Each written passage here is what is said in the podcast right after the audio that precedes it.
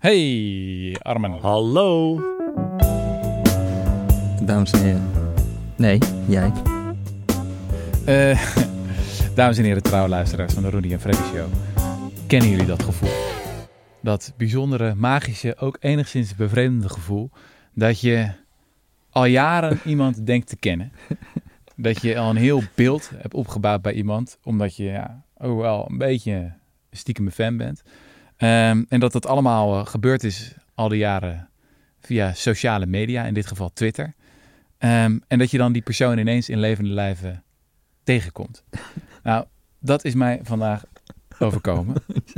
Ja, Bij ik... ons in de studio. Wacht yes. even. Ja, even. ga ja, door. Ik ga nog even op. Ja. Bij ons in de studio zit niemand minder dan Armen Hakverdian. Armen, ik kan wel zeggen, jij bent een van mijn absolute favoriete twitteraars. Um, een van nog even door hoor. Ja, al echt een van, een van de jaren, een van de grappigste. Hou nou even je mond, Jesse. Laat hem nou even. ja, ja, Nee, maar dat is echt zo. Um, weet je wat ik een van de leukste dingen vind? Die, die citeer ik nog heel vaak. Oh, ga uh, want heel vaak heb je van die bedweters, die als er dan een wetenschappelijke studie is uitgekomen, en dan zeggen ze van, ja, uh, één studie is geen studie. en toen heb jij een keer op Twitter gezegd, oh, diegene zei van, ja, wij zeggen altijd, één studie is geen studie. En toen twitterde jij, ja, wij van de UvA zeggen altijd, één studie is één studie. ja, daar, daar nou, ging ik zo goed dat op. Dat is het niveau, ja. precies. Ja, inderdaad, ja. Daar ging ik echt heel goed op. Godsamme, uh, wat een intro zeg. dit is, en weet je, wat, weet je wat ik voornamelijk, ik, dit is geweldig. Ik ben ik nog kom... niet klaar, hè? wacht even. Oh, uh, man. Ga even zitten, daar gaat wel kan de airco iets, iets, iets hoger? Arm, Armenak Verdian, jij bent uh, politicoloog ja. aan de Universiteit van Amsterdam. Uh, je bent een van de oprichters van het legendarische blog Stuk Rood Vlees.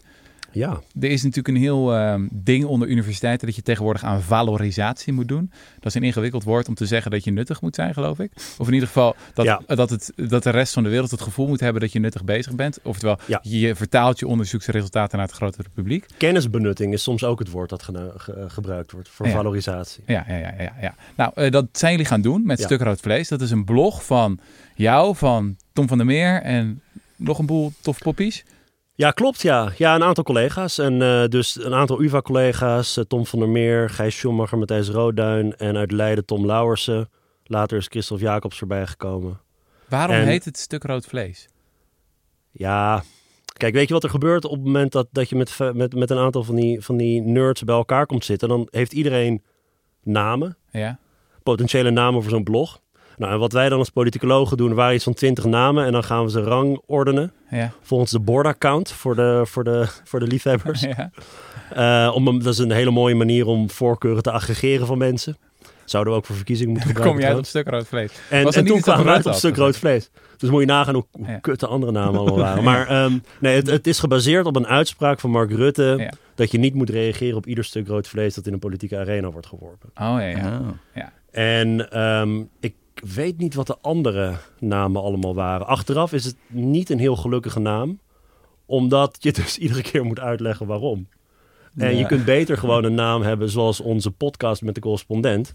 Stemmen. Ja. Kijk, dan weten mensen waar het over gaat. Of de Army en Tommy Show. De, de Army en Tommy Show, ja. Nee, maar los van de naam, het is, jullie hebben inmiddels wel echt een plek verworven, denk ik, bij het Nederlands journalistieke landschap. Niet dat ja. je, je zal waarschijnlijk niet uh, honderdduizenden lezers krijgen iedere maand. Nou. Maar ik weet wel dat heel veel journalisten bijvoorbeeld jullie werk volgen. Ja, dat klopt. En het zijn ja. toch best wel, ja, het zijn prettige toegankelijke blogs over politicologisch onderzoek dat wordt gedaan of is verricht in Nederland. Ja. Oké okay, Armin, we gaan een beetje valoriseren. Jesse, Oeh. knallen erin. Nee, we hadden het in de vorige podcast hadden we met Dijkhoff. En toen zeiden we gewoon terloops van... nou, Nederland is niet zo gepolariseerd als uh, zeg Amerika en zo. Nou ja, dan moeten we natuurlijk, wij zeggen dat nou.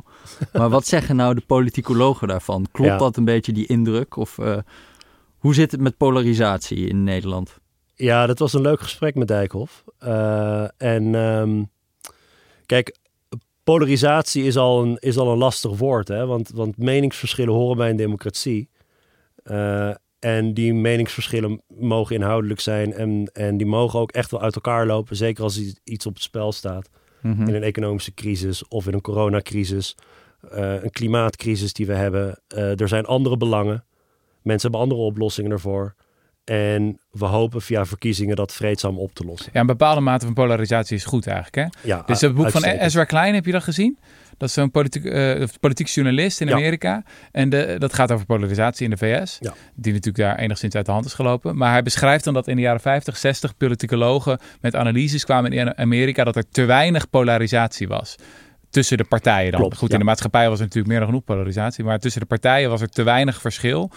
Kon, was er dus eigenlijk niet genoeg keuze. En dat bedreigde de democratie volgens hem. Ja, want als je geen keuze hebt, hoef je geen verkiezingen te houden. Nou ja. Ja. Dus je moet, je moet eigenlijk, het komt erop, de politiek gaat eigenlijk niet over wie is nou de beste bestuurder. En het, het, een, een verkiezing is niet echt een sollicitatieprocedure. En de- Mhm. de, politiek gaat over het feit dat we allemaal een ander ethisch kompas hebben, andere normen en waarden. We hebben andere eh, diagnoses van de samenleving, andere oplossingen ervoor.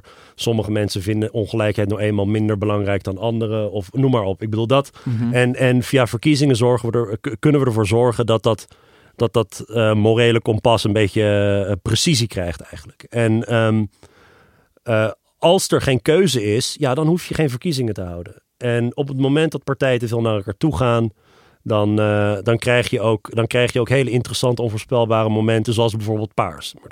Maar wat, wat gevaarlijk wordt, is dat het niet meer gaat over de inhoudelijke verschillen die mensen hebben, maar dat het gaat over het shirtje dat je aan hebt, in plaats van die inhoudelijke verschillen. Dus, Dus, het- dus in, in, in Amerika had je op een gegeven moment dat Trump, had je dan echt een go- goede peiling, vond ik dat. Die ging dan in één keer iets over de Super Bowl zeggen.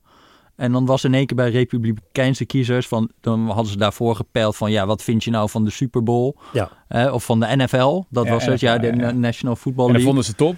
Vonden ze top. En toen was eh, Trump had daar iets kritisch over gezegd. Nou, helemaal sloeg het om. Het Ja. hele sentiment bij het hele republikeinse electoraat. ja, Over en- iets waar ze eerder niks van vonden eigenlijk. Ja, bij, bij, ja, dus je hebt ontzettend mooi Amerikaans onderzoek dat op tal van onderwerpen stuivertje wisselen laat zien. Mhm. Dat zodra een, eh, een president, dat, dat is dan de meest zichtbare politicus, eh, iets zegt over een onderwerp, dat dan de, de grote massa erachteraan gaat. ja. En ehm, wat je dus in Amerika nu hebt, is wat dan politicologen niet ideologische polarisatie, maar affectieve polarisatie noemen. Dus dat gaat over het feit dat mensen in die twee verschillende kampen, dat die echt een, een identiteit rondom die groep creëren. En daarbij hoort natuurlijk positieve gevoelens voor de in-groep, negatieve, negatieve gevoelens voor de out-groep. Mhm. En dat die dus niet meer gaan over de inhoud. Dus op het moment dat je eh, kijkt naar publieke opinie in Amerika over onderwerpen, dan zit er best wel een grote groep gewoon in het midden. Ja. Maar op het moment dat die mensen elkaar in een deliberatief forum of zo, of, of elkaar zouden tegenkomen en met elkaar in, in gesprek zouden gaan, zouden ze best een midden kunnen vinden. Als je ze vooraf zegt, de ene is democraat, de andere is republikein, dan gaan ze over en weer stereotyperen. Mhm. Ehm, en die vorm van affectieve polarisatie, die dus eigenlijk los van de inhoud staat, is gevaarlijk. Want op een gegeven moment ga je elkaar niet meer zien als ehm, rivalen, maar als vijanden. En met alle gevolgen van dien. Nou, in Nederland loopt het zo'n storm nog niet. Maar mijn collega Ilko Hartenveld aan de UvA... die heeft daar een eh, echt, echt heel leuk onderzoek naar gedaan... waar we het ook bij Stemmen over hadden. Ehm, Stemmen, de legendarische podcast. Stemmen, een verkiezingspodcast zonder peilingen. gehost, ja. Ja, ja, ja, ja, ja. Ja, en, en ehm, wat hij dus heeft gedaan is simpelweg aan mensen vragen in een enquête. eh, hier is een thermometer, die loopt van 0 tot 100. En hier zijn 20 groepen in de samenleving. Heb je er warme of koude gevoelens tegenover? Mhm. Mensen uit de Randstad. Ehm, vrouwen, mannen, jongeren, ouderen. ja. Mhm. Stemmers van GroenLinks, stemmers van de SP, stemmers van Forum. En ga zo maar door, gewoon iets van 20. En iedere keer moet je aangeven warme gevoelens, koude gevoelens. 20 graden, 80 graden, 50 graden, noem maar op. Mhm. En je weet natuurlijk als enquêteur ook wat de kenmerken zijn van die mensen zelf. Nou, wat hij dan laat zien is bijvoorbeeld dat ehm, als het gaat om warme en koude gevoelens, hoe denken bijvoorbeeld SP-kiezers over VVD-kiezers? Hoe denken GroenLinks-kiezers over Forum-kiezers enzovoort? Mhm. Mhm. Mensen hebben best warme gevoelens jegens de eigen groep. Dus SP-kiezers over SP-kiezers, warme gevoelens. Rond de 70 op die schaal. SP-kiezers over andere linkse kiezers, matig warm. Rond de Mhm. 50, 60. Dus binnen die blokken loopt het wel goed. Waar je echt hele koude temperaturen ziet, is tussen GroenLinks en Forum bijvoorbeeld. Hm. Of tussen PVV en D66. Ja. En de, eh, de mate van polarisatie tussen die groepen komt ongeveer overeen met democraten republikeinen in Amerika. Hm. Dus je moet je een situatie voorstellen dat je woont in een land waarin 50% GroenLinks stemt, 50% Forum stemt. En daarbinnen vindt het publieke debat plaats. En daarbinnen, daarbinnen vinden alle keuzes plaats in de politiek. Dat is een beetje wat Amerika nu is. Hm. ja. En dat is, geeft volgens mij best wel. Ik denk dat mensen best een voorstelling kunnen maken van hoe. Nou, en, en Forum en PVV aan de ene kant en bijvoorbeeld GroenLinks D66 aan de andere kant. Dit gaat over de grotere partijen die in die Mhm. enquête zaten. Dus Partij voor de Dieren en Bijeen en, en kleinere partijen zijn in dat onderzoek nog niet, nog niet meegenomen. Maar je moet je voorstellen hoe het publieke discours eruit zou zien als dat de norm is. Ja. In plaats van nu bepaalde uithoeken op Twitter van partijen die bij elkaar nog geen kwart van het electoraat peilen. Ja, ja, ja. Kunnen we dan niet ook concluderen dat de Nederlandse democratie gewoon totaal superieur is aan de Amerikaanse? Absoluut. Absoluut. Ja, tuurlijk. Op allerlei manieren. Ja. Ja. Op welke manieren? Nou, ik ben een heel groot voorstander van het principe van proportionaliteit, om ermee te beginnen. Ja. Dus winner take all, zero sum is echt fnuikend. Ja. Ja. Ehm, wat je in Nederland hebt, is dat er heel veel verschillende electorale minderheden zijn. En die krijgen vertegenwoordiging in het parlement. Dat loopt niet perfect trouwens, maar zeker superieur aan, aan een meerderheidssysteem. En vervolgens ehm, is het dus ook zo dat als er nieuwe thema's opkomen, eh, dat, dat die eerder vertaald worden tot parlementaire vertegenwoordiging. Dus zo'n kiesstelsel is een soort van doorgeefluikje. Hè? Van, van aan de ene kant heb je de samenleving, je hebt het partijstelsel en de politiek, je hebt Mhm. een kiesstelsel ertussen. En dat is een set van regels die uiteindelijk bepalen wat gebeurt er nou als jij in dat hokje dat vakje inkleurt. Mhm. Bij ons is het zo dat dat doorgeefluik, die, die soort van die, die, die, die band, die loopt redelijk goed. Er komen nieuwe zorgen op in het electoraat. We hebben geen kiesdrempel. En die vertaling, het feit dat partijen als Denk, Partij voor de Dieren, maar ook SP en GroenLinks, D66 in de jaren, zes, eh, jaren 60. Ons stelsel zorgt ervoor dat dat parlement meer ververst wordt. Ja, ja. Dus Mhm. sommige mensen zeggen van oké, dat is een probleem. We hebben allemaal gekkie partijen. Waar is het? Eh, Volt en de 50-plussers hebben een eigen partij. En Partij voor de Dieren. Ja, het is allemaal verschrikkelijk. We moeten een kiesdrempel hebben. Want anders wordt Nederland straks onbestuurbaar. Eh, We hebben nu totale verbrokkeling, versplintering. Maar jij zegt eigenlijk als politicoloog... nee, dit is juist de kracht van ons systeem. Want in andere landen, als er nieuwe zorgen komen... bijvoorbeeld zorgen voor de dieren... of zorgen omtrent eh, immigratie... eh, dan worden die vaak niet vertaald. Zoals bijvoorbeeld de UKIP in het Verenigd Koninkrijk... die dan echt veel stemmen kregen... Ja. maar niet, niet daadwerkelijke vertegenwoordiging in het parlement. Waardoor mensen op een gegeven moment heel boos worden, gefrustreerd en voor de brexit gaan stemmen. Omdat ze zoiets hebben van, Absoluut. je geeft me alleen een hamer, nou dan ga ik die ook gebruiken op het moment dat ik iets kan doen. Exact, ja. Dus, de, dus de, ehm, op het moment dat je die, die nieuwe ontwikkeling in het electoraat... je kunt ook zeggen, ik gooi er zo'n kiesdrempel op. Of ik maak er een meerderheidsstelsel van. Mhm. Wat je dan eigenlijk zegt is, ik vertrouw er wel op dat die grotere partijen, dat de gevestigde macht, dat die wel zal, die zal wel inzien dat die zorgen er zijn. We kunnen die wel vertrouwen met dit soort dingen. En op het moment dat je een, een kleine, ehm, dat je kleinere partijen toelaat en van die uitdagers toelaat, dat houdt die grotere ook scherp. Hm. Eh, op dit moment zie je een situatie in Nederland waarbij je dus wel echt fragmentatie hebt. Die fragmentatie, daar, daar, ja, je, daar, daar zijn verschillende eh, redenen voor. Maar het belangrijkste is eigenlijk dat het een. Het is de onkunde van de gevestigde politiek om zich aan te passen aan nieuwe realiteiten. Daardoor heb je een Partij van de Arbeid die compleet leegloopt en een CDA dat compleet leegloopt. Die kiezers, die al die oudere allianties die ze hadden, eh, electorale allianties, weet je wel, van, de, van, van arbeiders aan de ene kant met bijvoorbeeld urban professionals. Sociaaldemocratie was altijd een alliantie, een bondgenootschap tussen verschillende groepen in de samenleving. Ja, Mhm. Er komen nieuwe thema's op en dat gaat als een, als een, als een splijtswam door, door die alliantie heen. En hetzelfde geldt voor het CDA ook. Ehm, ja, die partijen die hebben geen antwoord op die nieuwe thema's die opkomen. En kiezers gaan zich dan heroriënteren. Mhm. Er komen nieuwe partijen op die dat wel verwoorden. Mhm. En daar sluiten ze zich op aan. En vervolgens moeten die gevestigde partijen daar een antwoord op vinden. Ik vind dat een heel gezonde ontwikkeling. Hm. Wat heel interessant is aan die versplintering is de, het, het, het, het is eerder nivellering Mhm. dan versplintering. Dus, dus die, die kleine splintertjes, die zijn er altijd al geweest in Nederland. En ehm, het is ook vaak zo dat de kiezer eigenlijk die kruimels opruimt. Dus je hebt dan die afsplitsing in de Kamer bijvoorbeeld. En ineens heb je mm, ja, weer, eh, ja, allerlei afsplitsingen. Mensen die dan denken, ik ga op eigen kracht deelnemen aan de verkiezingen, zijn zelden succesvol. De Hmm. kiezer is altijd degene die dat allemaal opveegt en, en, en weggooit. Ehm, wat, wat belangrijker is dan die kleine splinters, zijn, zijn, is die nivellering van de middengrote partijen in Nederland. Hm. Dus je hebt nu één reus. En dat, Mhm. was, dat was eigenlijk in 2017 ook al zo. Maar daaronder heb je gewoon een aantal, ja, echt wel een groot aantal partijen. Zes, zeven partijen die gewoon min of meer even groot zijn. Ja, iets van 15 zetels of zo kunnen scoren. Ja, en Dat, dat zorgt ervoor dat die regeringsdeelname, dat die coalitieonderhandelingen complexer worden. En dat, dat, dat je vier partijen waarschijnlijk nodig moet hebben, straks ook weer.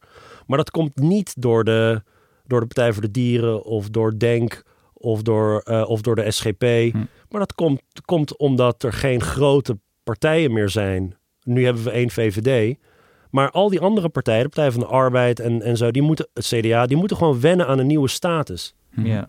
Maar weet je waar ik wel, wel hier toch een beetje probleem heb van dat de politicoloog kan zeggen, ja, iedereen voelt zich dus heel goed gerepresenteerd. Maar het is Mhm. toch ook echt werk. Zeg maar, dat Tweede Kamer eh, eh, werk. Ja, en daar heb je dan soms een partij met drie zetels. En die moet alles doen van, eh, van pensioenen tot de hele sociale zekerheid, Mhm. tot belastingen, tot weet ik veel wat. Ja. Ja, je ziet daar gewoon, als je echt op wetgevingsniveau kijkt, dat die gewoon geen enkele zinvolle bijdrage kunnen leveren. Ja. Omdat het werk gewoon te veel is en te ingewikkeld is. En dat ga je denk ik ook niet makkelijk oplossen met, nou ja, doe maar, eh, doe maar wat fractieondersteuning en dan lukt het wel. Het is gewoon, ja, het, is, het Terwijl wordt wel heel lastig fractie- als je vijf, als, zeg maar als je veertig, als je zoals de PvdA gewoon 40 zetels hebt, dan is het wel wat makkelijker te verdelen dat Ah, mensen ja, echt ja. fractiespecialisten kunnen zijn. En dat is natuurlijk wel door die versplintering dat je ziet dat dat eh, steeds lastiger wordt. Dus daar maak ik me dan wel een beetje zorgen over. Ja, het, het is een heel fundamentele discussie over wat je wil dat een volksvertegenwoordiging is. Ja, En eh, ja, de Nederlandse volksvertegenwoordiging heeft allerlei verschillende taken, waaronder een controlerende en een wetgevende en een vertegenwoordigende en zo. En een aantal van die functies komen minder goed uit de verf, denk ik, op het moment dat je heel veel kleinere fracties hebt. De vraag is hoe je ermee omgaat.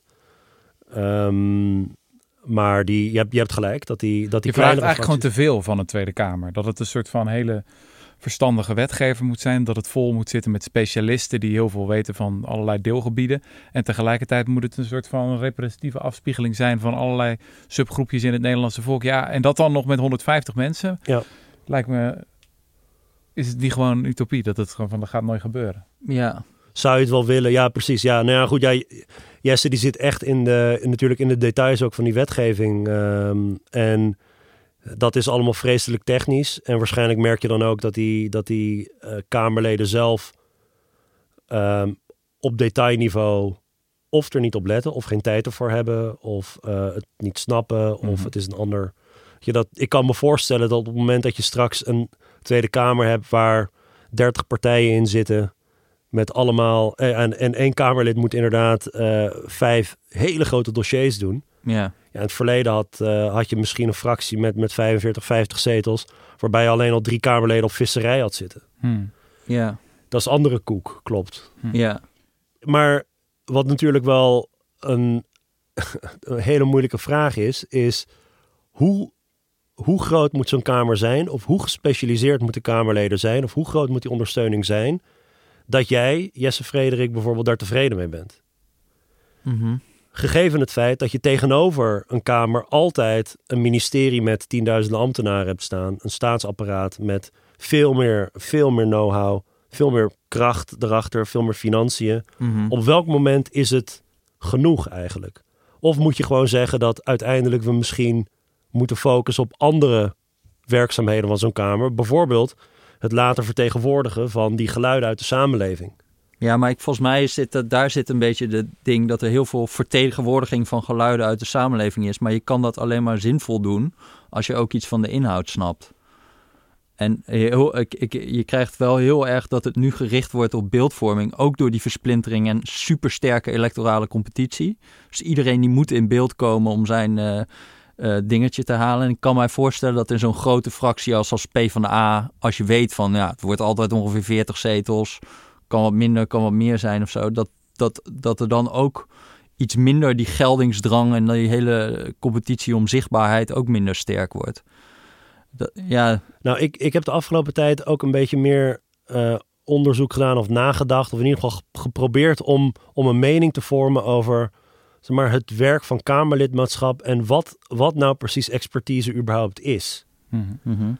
Dus bestaat er, bestaat de persoon die jij bijvoorbeeld voor je hebt als de ideale volksvertegenwoordiger, bestaat die überhaupt?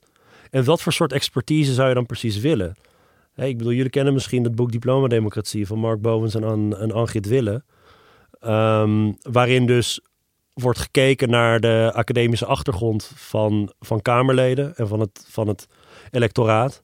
En het Nederlandse, de Nederlandse Tweede Kamer is eigenlijk uh, heel academisch geschoold. Hm. Mm -hmm. Ook vergeleken met andere landen is dat, uh, is dat zo. Nou, is dat het soort expertise dat bijvoorbeeld nuttig is of niet?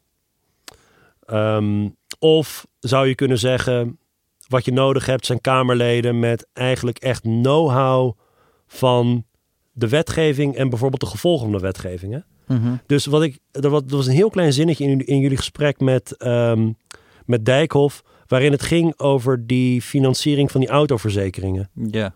En um, hij zei uh, dus, dus je hebt, je hebt zo'n boete van iets van, wat is het, 400? Uh, ja, als je onverzekerd houdt, is 400 euro. En, en daar kan nog, en op een gegeven moment als je dat niet... Als je zes weken of acht weken niet betaald hebt, dan wordt dat 1200 euro. Precies. En toen, um, en, en daardoor ja, heb je allerlei mensen die in enorme problemen ja. komen.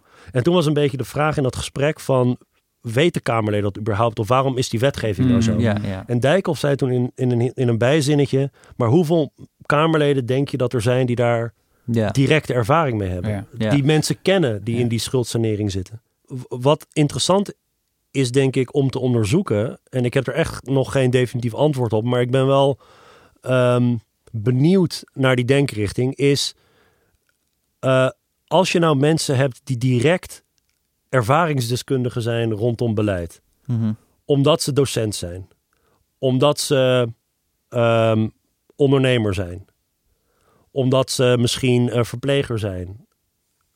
Zijn dat nou eh, qua expertise nou mindere Kamerleden dan degene die we nu hebben?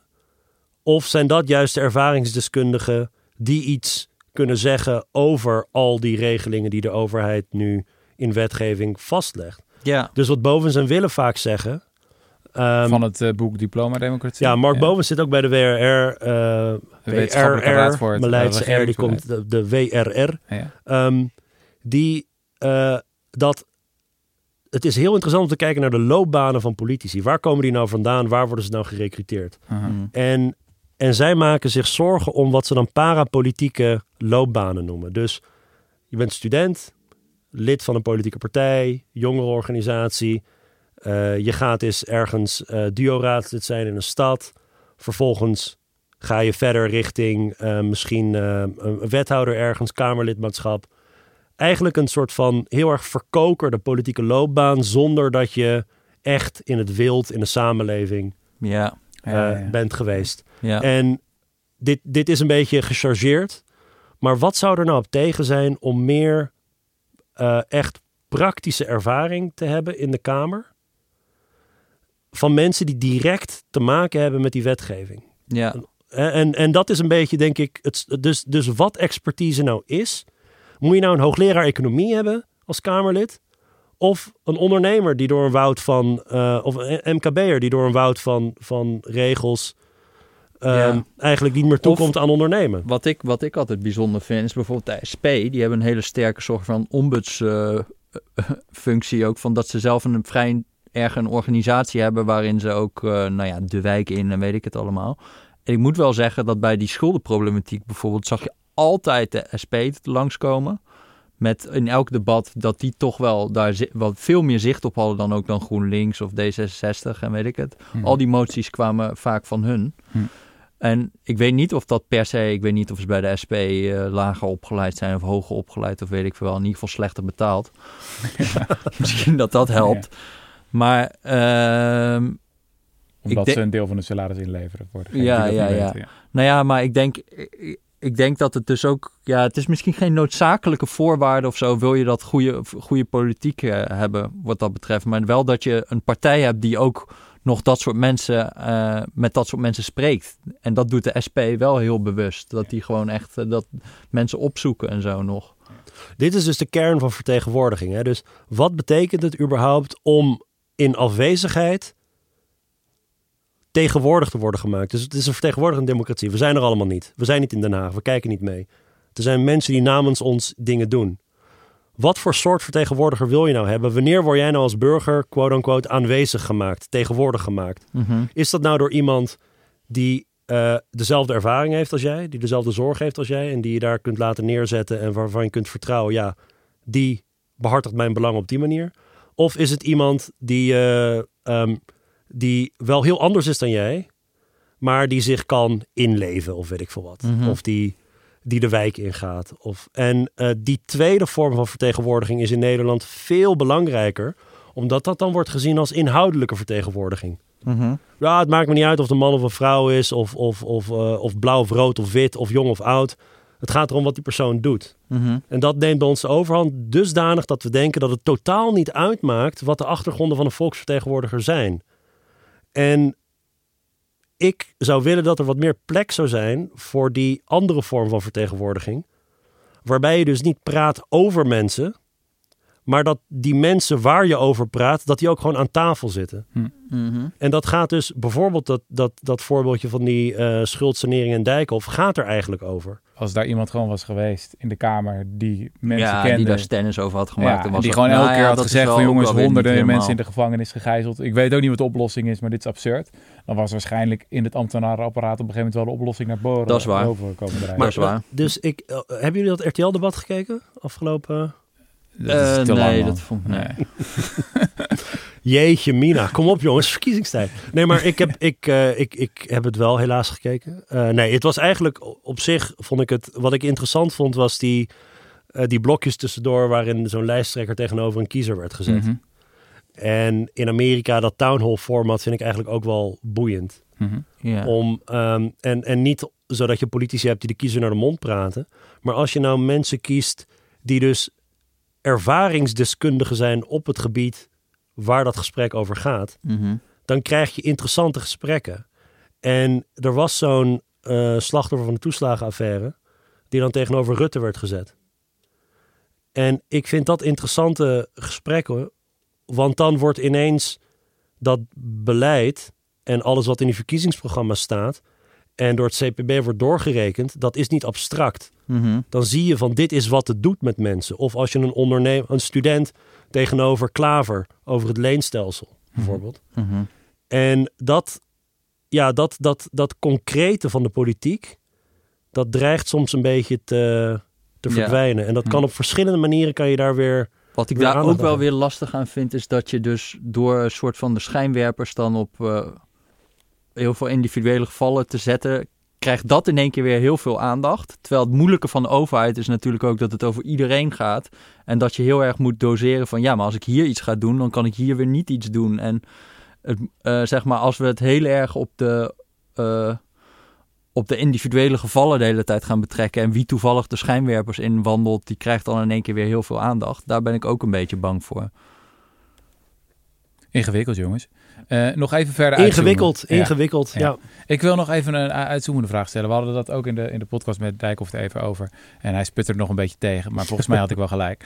Namelijk die verschuiving die je, als het over sociaal-economische thema's gaat, eh, naar links. Dus dat het zo lijkt te zijn. eh, Volgens mij, het, het Centraal Planbureau heeft de verkiezingsprogramma's nu ook doorgerekend. En dan zie je wel vrij breed over de hele linie dat eh, de overheid weer groter moet worden. De belastingen moeten omhoog. Vooral de belasting op bedrijven, die moeten bij veel partijen enorm omhoog. Eh, ja, wellicht het effect van de Rudy en Freddy show. Dat zou kunnen. Onze campagne van de afgelopen jaren. eh, om de publieke opinie te, te beïnvloeden. Ja, dat zit nu ook in die CPB-modellen. Maar dat is wel fascinerend. Ik zat een andere po- eh, podcast te luisteren bij, wat is het, Betrouwbare Bronnen. Met Wiemar Polhuis? Ik ben even de naam kwijt. In ieder geval iemand die... Moet ik even opzoeken. In ieder geval een boek heeft geschreven over het CPB. En die maakte op een gegeven moment zo'n opmerking van...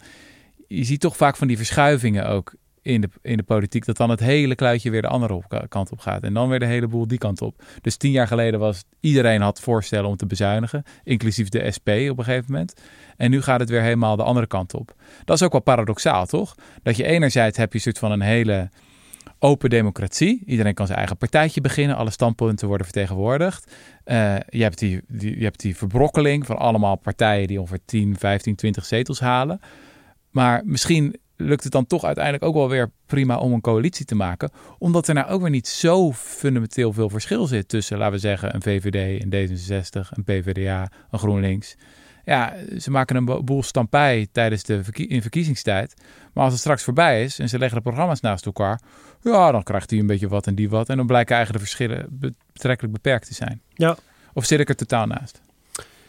Ja, er, er zitten wel heel veel lagen in je vraag. Het is heel, het is, um, nee, dus dat, daar, daar zitten heel veel aspecten aan, uh, wat je net zegt. Um, partijen worden echt wild als je de VVD nu links noemt trouwens. Hè? Mm -hmm. Heb je dat, uh, er was een uh, interview met Ploemen in NRC. Ja, ja, ja, dat waar, zag ze, ik, ja, ja. waar ze even een aantal dingen opnoemt. Um, uh, ik heb die, die CPB-doorrekeningen ook een beetje gezien. Eén, wat me bijvoorbeeld wel opviel, is dat als die ramingen, dus, dus volgens die ramingen, uh, het VVD-verkiezingsprogramma wel leidt als enige van de partijen die zijn meegenomen tot een toename van de inkomensongelijkheid. Mhm, bijvoorbeeld. mhm. En bij de andere partijen niet. Om maar een voorbeeld te geven van de linksheid van de VVD. Mhm. De VVD is nog steeds een marktgerichte partij. Maar waarschijnlijk ten opzichte van een paar jaar geleden zijn ze iets richting een sterkere overheid gegaan. Nu, maar ik zou de VVD niet in hetzelfde kamp willen scharen als SP, Partij van de Arbeid. Als ze straks samen gaan werken en er een regeerakkoord moet komen. Ja, dat regeerakkoord is natuurlijk bijna de facto een soort gewogen gemiddelde van al die, al die verschillende partijprogramma's. Dus het zou best eruit kunnen komen dat je, een, dat je een beleid krijgt dat inderdaad een compromis is. Dat is denk ik ook niet erg. Um, maar wat ik interessant vind aan discussies over verschuivingen, is dat het vaak gaat over het verschuiven van de standpunten van mensen of van partijen Mhm. op het gebied van Europese integratie of immigratie of, of economie. En waar het veel meer over zou moeten gaan, is wat is het belangrijkste thema van die verkiezingen? Dus dat vervloekte Overton window waar mensen het altijd over hebben. En dat inmiddels een cliché is geworden. Even kijken, het Overton window. Jij bent daar heel erg van, Rutger. Ja, ja, ja. Vertel Nou, dat- jij even over het Overton window. Jaren 90 politicoloog Joseph Overton die zei in de politiek gaat het eigenlijk niet zozeer om wat er in het, in het midden gebeurt. Of althans, er is altijd een raam van soort van geaccepteerde ideeën waar mensen het over hebben, weet je wel, die door de denktanks worden doorgerekend, die, die serieus worden genomen in het debat. En wat je eigenlijk moet proberen als je de wereld wil veranderen, is dat raam verschuiven. En dat doe je door aan de flanken te duwen. Eh, je, je roept eh, allemaal dingen over massa-immigratie, islamisering, moskees moeten dicht. En dat heeft uiteindelijk tot gevolg dat, laten we zeggen dan, het redelijke midden, CDA, VVD, ook een beetje opschuiven in, Ja. in jouw richting. En, en een wat st- strenger migratiebeleid gaan voeren. Ja, exact. En dat is dus eigenlijk het, het domein van, van framing eigenlijk. Hoe praat je over onderwerpen? Mhm. En dat is niet alleen maar een, een, een semantisch trucje, eh, praten over onderwerpen en framing. Want op het moment dat het gesprek op een bepaalde manier wordt ingekleurd, worden daarmee eigenlijk ook meteen de oplossingen aangedragen. Dus op het moment dat het probleem is ehm, eh, dat we te veel uitgeven, dan is de oplossing ja, minder uitgeven. Mhm. Op het moment dat het probleem is dat de woningbouw, eh, dat, dat sociale, eh, sociale woningen, sorry, dat er wachtlijsten voor zijn en die worden ingepikt door statushouders, dan is de oplossing grenzen dicht. Dus, het dus dat ik ben, ehm, misschien moet ik dat even duidelijk maken, ik ben helemaal niet tegen het gebruik van het Overton window als soort van middel om te begrijpen hoe politiek werkt. Integendeel. Mhm. Maar ehm, het, sterker nog, dat is volgens mij de kern over waarom bijvoorbeeld eh, tien jaar geleden het al ging over bezuinigen van links tot rechts. En dat iedereen eigenlijk al op het moment dat je al hebt geaccepteerd dat bezuinigen de enige optie is. Ja, dan, dan staan sommige partijen al op een achterstand. Dan Ja, speel je ja. al een uitwedstrijd. Ja. Weet je, dat is, dat is, en ehm, dat is waar het veel meer over zou moeten gaan, denk ik. Is niet zozeer of nou partijen schuiven of niet. Maar waar gaan de verkiezingen over? Met corona heb je hetzelfde. Hè? Dus wat voor soort crisis is het nou waar we mee te maken hebben? Dat, die strijd om wat het frame is, die woedt in alle hevigheid, Hm. denk ik. Dus Hm. sommige, voor sommige partijen is het een frame van een, ehm, een corrupte wetenschappelijke elite en, en grote farmaceutische bedrijven en weet ik veel wat. Ja. Er zijn sommige partijen die op het moment dat mensen zo nadenken over corona, gaan ze gewoon winnen. Op het moment dat corona gaat over het, het, dat corona heeft blootgelegd dat er hele grote economische vers- verschillen bestaan tussen mensen. En dat we een sterke overheid nodig hebben om ervoor te zorgen dat die risico's die mensen hebben, dat die verkleind worden. Mhm. Ja, dan kom je meer in het domein van de linksere partijen, die eigenlijk al jaren zeggen, ja, een sterke overheid is nodig voor, voor rampen als dit, ja. bijvoorbeeld. Ik heb dat altijd zo gehad als het ging eh, over... Nou, neem iemand als Thierry Baudet. En dan zie je weer op Twitter eh, mensen uit je bubbel weer helemaal losgaan van wat hij nou weer heeft gezegd. En dan heb ik altijd heel gemengde gevoelens. Omdat ik Ja. denk, ja, dit is natuurlijk precies in feite wat hij wil. Want dan gaat het weer over de thema's. Dat heb ik altijd zo'n ingewikkelde discussie gevonden als het gaat over immigratie en integratie en culturele thema's. Je hebt, je hebt mensen, bijvoorbeeld Ewald Engelen is zo iemand, eh, columnist voor de, voor de Groenen en econoom. En die zegt van ja, Hij zal het niet leuk vinden dat je hem econoom noemt eh, trouwens. nou, ge- eh, of nee, sorry. Hij heeft zijn eigen ding financieel geograaf. Financieel geograaf, gewoon ja, een vakgebied Ja, verzonnen. ja, ja. Eh, maar in ieder geval, ehm, die zit meer in de hoek van je moet het er niet over hebben. Je moet gewoon het hebben over economische thema's, over klassen. En als je het gaat hebben over al die thema's van social justice warriors, eh, weet je wel, racisme, dat soort thema's, moet je niet doen, want je verliest het sowieso. Weet je wel, dan gaat het hele debat gaat de rechterkant op. Ehm, en ik heb dat altijd een hele zwakke analyse gevonden, want eh, het kan gewoon helemaal niet. Je kan niet zeggen tegen mensen die het slachtoffer zijn van racisme en uitsluiting, zeggen van, ja sorry, we gaan het even er niet over hebben, want het is electoraal niet handig. Want dan gaat het, dat is niet een optie. En wat ik heel interessant vond, is dat er, ehm, in de VS is de- deze discussie natuurlijk ook helemaal gevoerd. Hè? Moeten we het nou na Trump hebben over, in het Engels zeggen we dan economic anxiety. Dus is de Trump-stemmer gewoon een verweest iemand die gewoon niet genoeg toegang heeft gehad tot uitkeringen en Medicare for All. En gaat dat het oplossen? Dus met een brede sociaal-democratische agenda. Of moeten we het eindelijk gewoon over racisme durven hebben in dit land? En moeten er reparations komen voor, voor die eh, eeuwen aan, aan uitsluiting en racisme en slavernij en noem het allemaal op. En moeten we het daarover hebben? En wat ik, wat ik echt bevrijdend vond, is dat er. Ik ben de naam even kwijt van de politicologen die dit hebben gedaan, of, of psychologen of onderzoekers. Die zeiden van je moet eigenlijk allebei tegelijk proberen te doen. En de, de methode die ze suggereerden voor Amerika was als volgt. Zeiden als eerste van oké, je kan niet soort van zeggen oké, over racisme gaan we het niet hebben. Dan gaan we, dat, dat heeft dat, dat is Voornamelijk als gewoon een linkse progressieve partij die van Ja. oudsher zou moeten opkomen voor gemarginaliseerde groepen. Nou ja, Om dan je mond te houden over racisme. Moet je... Dat, het kan helemaal niet. Eh, en het is ook immoreel en onrechtvaardig. Maar wat ze zeggen van wat je moet doen is eigenlijk dat economische aan het culturele koppelen. En in de Amerikaanse context zeiden ze wat je moet doen is zeggen er is een economische elite. Zouden we zeggen de rijke billionaire class. eh, de Rupert Murdochs van deze wereld. En die willen ons uit elkaar spelen. Dus die gebruiken racisme, en xenofobie en uitsluiting om ons uit elkaar eh, te spelen. Wij moeten dat niet toestaan. Wij moeten samenkomen, wij moeten bruggen bouwen, zodat we uiteindelijk een vuist kunnen maken tegen hen. Ehm, dat hadden ze dan getest, eh, zeg maar deze boodschap. En dat bleek bij alle groepen het beste te werken. Zelfs bij bijvoorbeeld mensen van kleur. Die, eh kon je twee, twee boodschappen testen. Enerzijds van we gaan opkomen voor jouw groep. Of we doen dit. We gaan de bruggen bouwen tegen de biljonair klas. Dan bleek het laatste het beste te werken. En toen zat ik te denken van... ehm, ja, is daar, heeft dat zoiets implicaties ook voor Nederland? Ik bedoel, we hebben natuurlijk niet zulke extreme economische ongelijkheden als, als de VS. Eén ding is in ieder geval duidelijk, dat soort van dat debat, dat speelt ook tot op de dag vandaag de hele tijd in Nederland. Als je, laten we zeggen, een PvdA bent of zo. Nou, de afgelopen jaren ging het er de hele tijd over. Wat moeten we op de agenda doen? Wat doen we met dat culturele thema?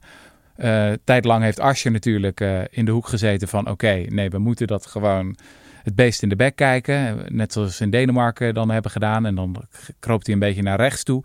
We moeten misschien als sociaaldemocraten... nou ja, dit ook durven verkondigen. Dit, uh, zeg het, strengere geluid... of in ieder geval kritische opmerkingen plaatsen... bij de multiculturele samenleving. Dan heb je anderen die weer zeggen... nee, dat moet je helemaal niet doen. Je moet, helemaal de, je moet de andere kant op. Maar is er een soort van... Um, ja, ook een tussenoplossing mogelijk of zo? Uh, want dat, dat debat is zo zo ingewikkeld en zo verlammend. Ja, het is heel ingewikkeld. En ik moet je zeggen dat ik daar. Ik, ben er, ik heb er ook geen antwoord op. Ehm, het is wel een beetje, de, een, een beetje een soort van heilige graal in die politieke onderzoeken richt Mhm. over de toekomst van links. En dat, dus er is veel debat over. Mhm. En daar wordt veel goed onderzoek naar gedaan. Maar op dit moment lijkt het er eerder op dat dus de sociaaldemocratie aan het verliezen is. Omdat er progressievere eh, concurrenten zijn die kiezers wegkapen. Mhm. Dan dat dat is omdat zij eh, conservatieve nationalistische arbeiders verliezen. Hm.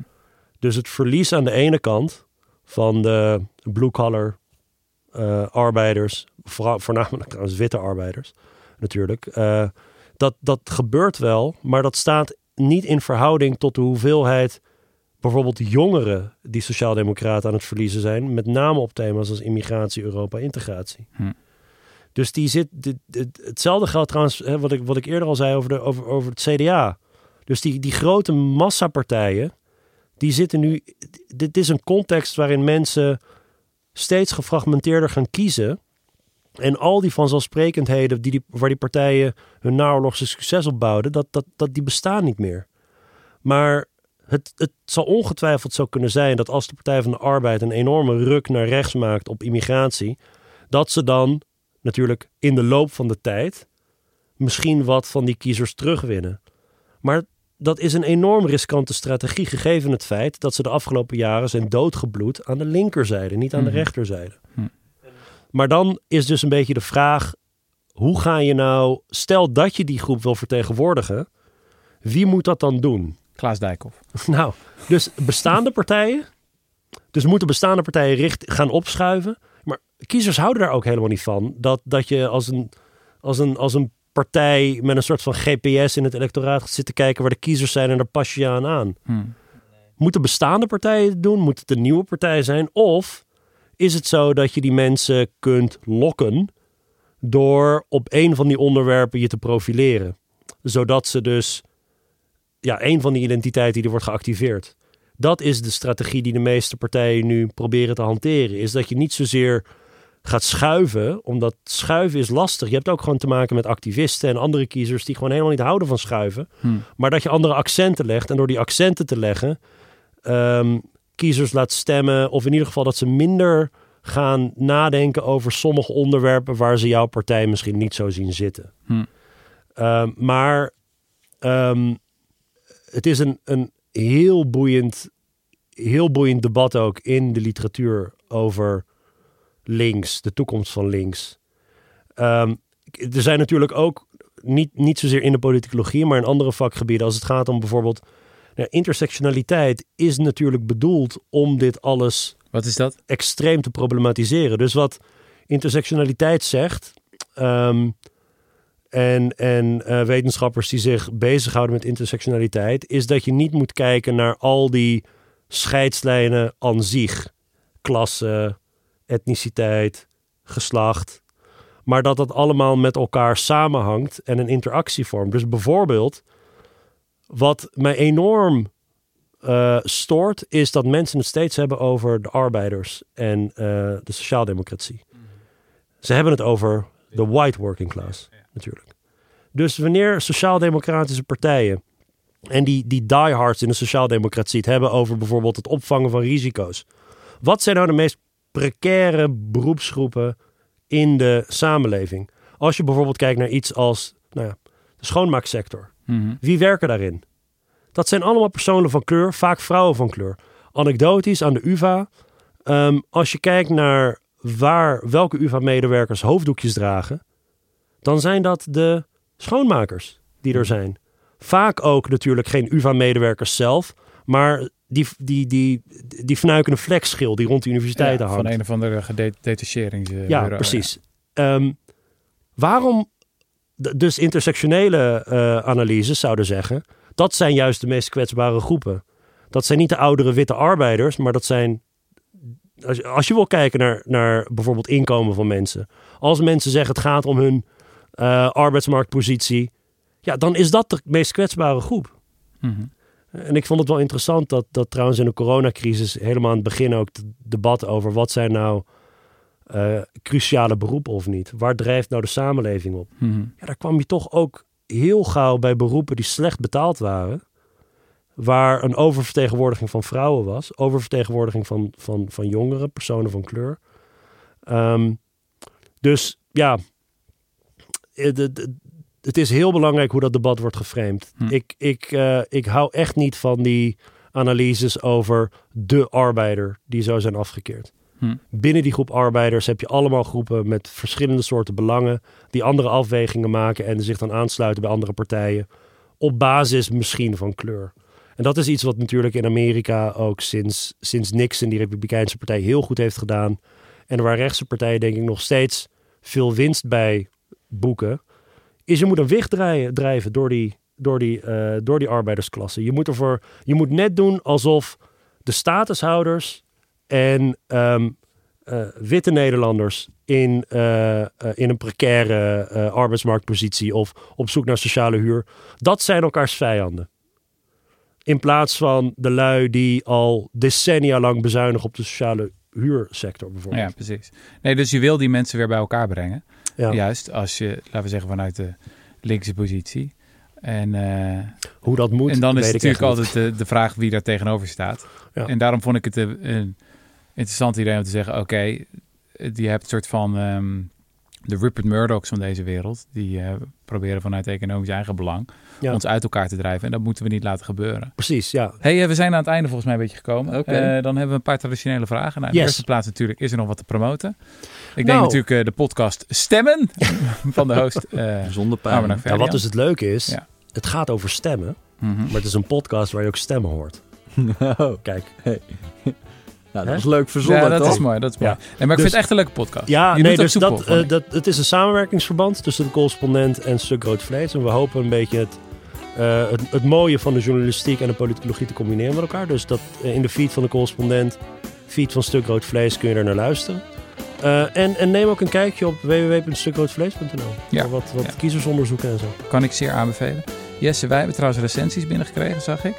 Oh. En dan heb ik het niet over de podcast, maar we hebben op eh, de Goodreads van Klaas Dijkhoff gekeken. Ja, ik zag dat jij vijf sterren hebt gekregen. ja, dat ging goed. Hoeveel heb je hem daarvoor? eh? Ik heb hem daarvoor helemaal niks betaald. Ik heb hem wel geappt dat hij jou wat minder sterren moest geven. Ik kreeg drie sterren. En Ja. hij heeft bij mij ook een tekstje geschreven. Hij Ja. noemt het opium voor de progressieve geest. Sinds wanneer Ja, is dat ik- negatief? Vond ik wel mooi.